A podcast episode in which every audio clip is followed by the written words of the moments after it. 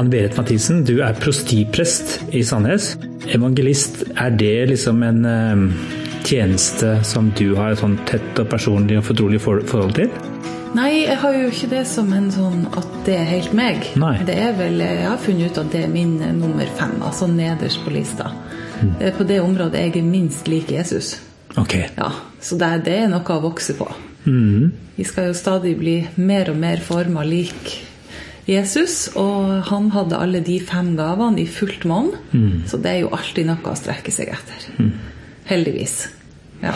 Men du, når du skulle tenke litt over dette temaet, så dukket det plutselig opp et menneske som står deg ganske nær, så du tenkte hun er evangelist? Ja, det var det at jeg kom på hvordan søstera mi på en måte, Effekten av hennes liv da vi var ungdommer. Mm. For hun var en sånn som hadde en egen nese for um, det å invitere med seg folk. Altså Hun ble venner med folk som det viste seg at de var klar for å bli med oss på skolelaget og på skoleandakt og på leir. og med i gospelkoret vårt osv. Så, videre. mm. så hver gang hun fikk en ny venn og ble kjent med noen nye i klassen sin, og sånn, så inviterte hun dem med, og de ble med. Mm.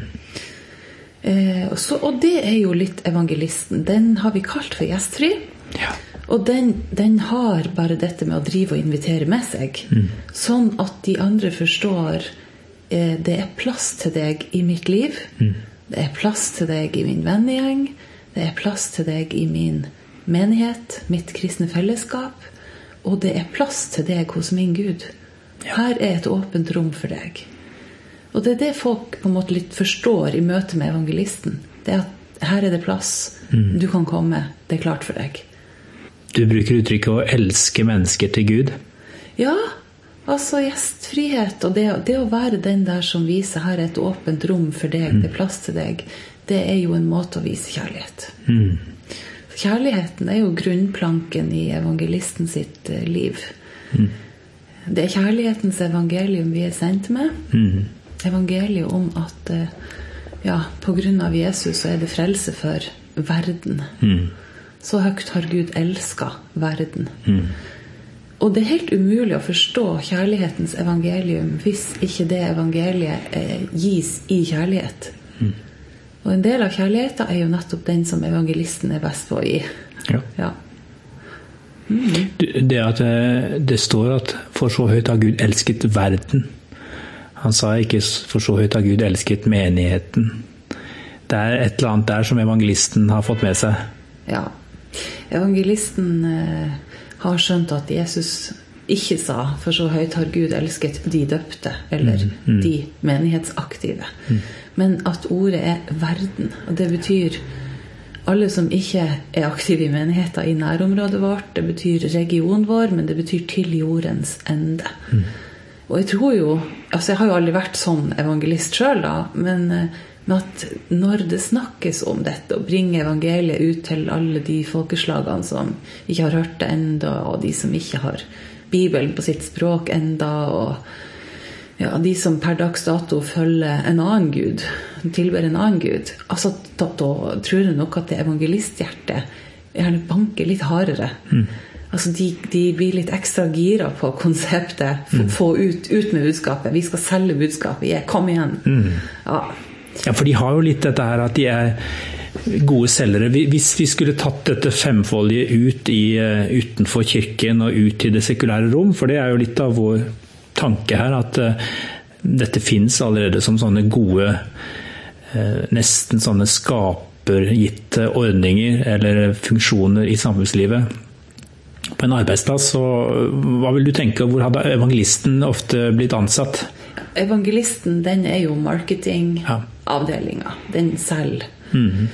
Selger budskapet. Det er PR og ja, Mm, har liksom denne ekstreme evnen til å få fram det beste i det vi har, i produktet vårt, og, og gi det og gjøre det attraktivt. Ja. Vi har jo et par veldig sånn kjente evangelistnavn. Mm. Arild Edvardsen, Billy Graham, mm. sånn som de fleste har hørt om. Og de hadde jo den effekten at når de først åpna munnen og begynte å tale, så talte de sånn at de solgte budskapet. Altså Mm. de solgte kjærlighetens evangelium på en sånn måte at folk som satt og hørte på dem, eh, bare skjønte at oi, For så høyt har Gud elska meg. At han ga sin envårende sønn for meg. Sånn at jeg ikke skulle gå fortapt, men evig liv. Og mener, den, den dealen er så sykt god. Den dealen er skikkelig, skikkelig god. Og Arild og Billy de var på en måte bare ufattelig gode å selge akkurat det budskapet. Sånn at folk satt i benkeraden og kjente at de ble elska. Og får denne innbydelsen 'Vil du komme inn i dette kjærlige huset, min fars hus?' Ja takk. Yes. Ja. Og, så, og så fikk folk òg det, det siste steget, i alle fall, fra, fra å ikke ha definert seg som en troende og som en etterfølger etter Jesus, til å plutselig si 'Ok, jeg er med. Ja. Nå begynner jeg å følge Jesus'. Ja.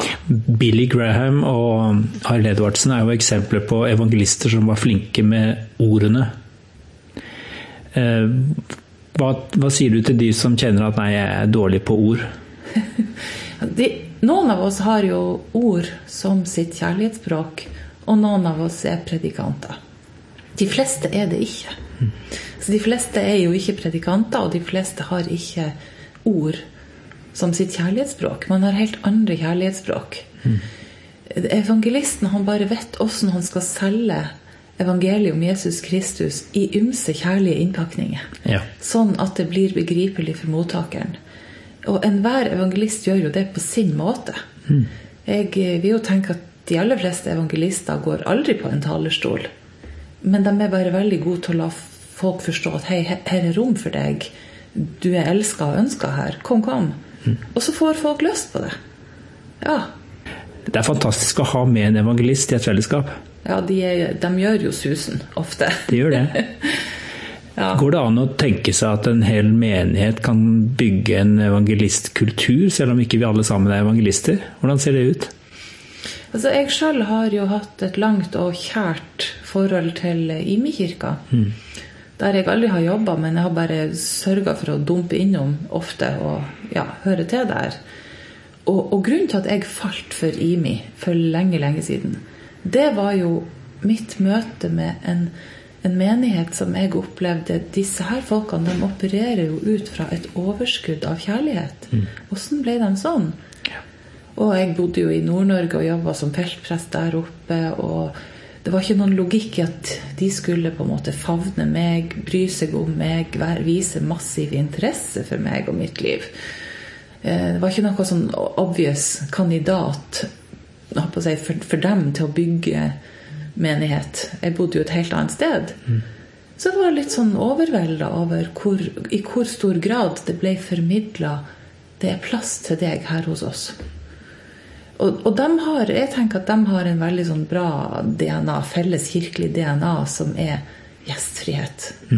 Kom til oss, vi favner deg. Gjestfrihet. Gjestfrihet. Og jeg tenker som en utfordring, stående utfordring til den menigheten som jeg sjøl er med og leder, fordi jeg ikke er en utpreget evangelist sjøl, så må jeg hele tiden tenke at jeg skal ikke orientere menigheten rundt de som Først og fremst rundt de som allerede har tatt imot Jesus, men at, at måte, hvis det kunne være sånn at eh, sentrum befant seg et eller annet sted på grensen mellom verden og, og, og menighetslivet, og så trengs jo da også vi andre. Hvis hovedpoenget er at eh, vi skal være et sånt, en sånn port Ja, inn til Jesus. Evangelisten er jo med i eh, NM i kristen markedsføring, og de får lov å vinne den. Så kan de på en måte få lov å inspirere oss andre, og det er jo helt gull hvis du har en evangelist i f.eks. cellegruppa di, at du da Hvis du kjenner at jeg skulle ønske at det kom sånne frukter ut av mitt liv òg. At når du vil invitere din nabo eller din slektning eller sånn med Da tar du bare med deg den evangelisten. Og ser og lærer og går sammen med den. Og så tror jeg det det er sånn vi kan lære oss å bli mer evangelist alle sammen. Det å koble oss på dem som allerede har det og er der. Og så tenker jeg Evangelisten er veldig veldig god på det, men han er jo ikke best på alt det andre. Så for at de som først får denne gjestfrie invitasjonen og blir dratt med inn og, og får et sånt første marketingmøte med Jesus og med Guds kjærlighet gjennom evangelisten, De må få komme inn i fellesskapet, og der møter de hyrden som gir dem omsorg. Så møter de læreren som eh, gir dem kunnskap og kjennskap. De møter ja, apostelen med visjoner og kall, og de eh, får det de trenger sånn summa summarum i møte med alle de andre.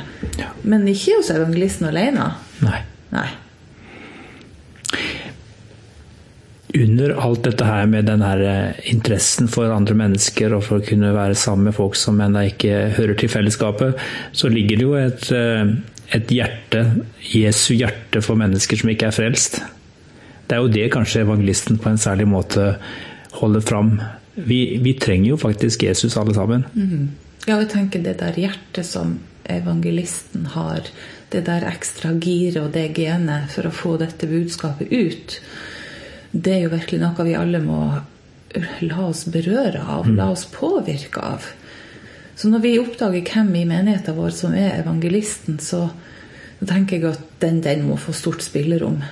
Ja, virkelig. Og vise, særlig vi som er prester og menighetsledere, virkelig la evangelisten få et stort, stort spillerom til å nettopp påvirke og, og være med å sette stemninga eh, i menigheten vår. Det syns jeg var en god utfordring til eh, meg og til oss alle. Takk skal du ha, Anne Berit. Takk, Vidar. God prat igjen.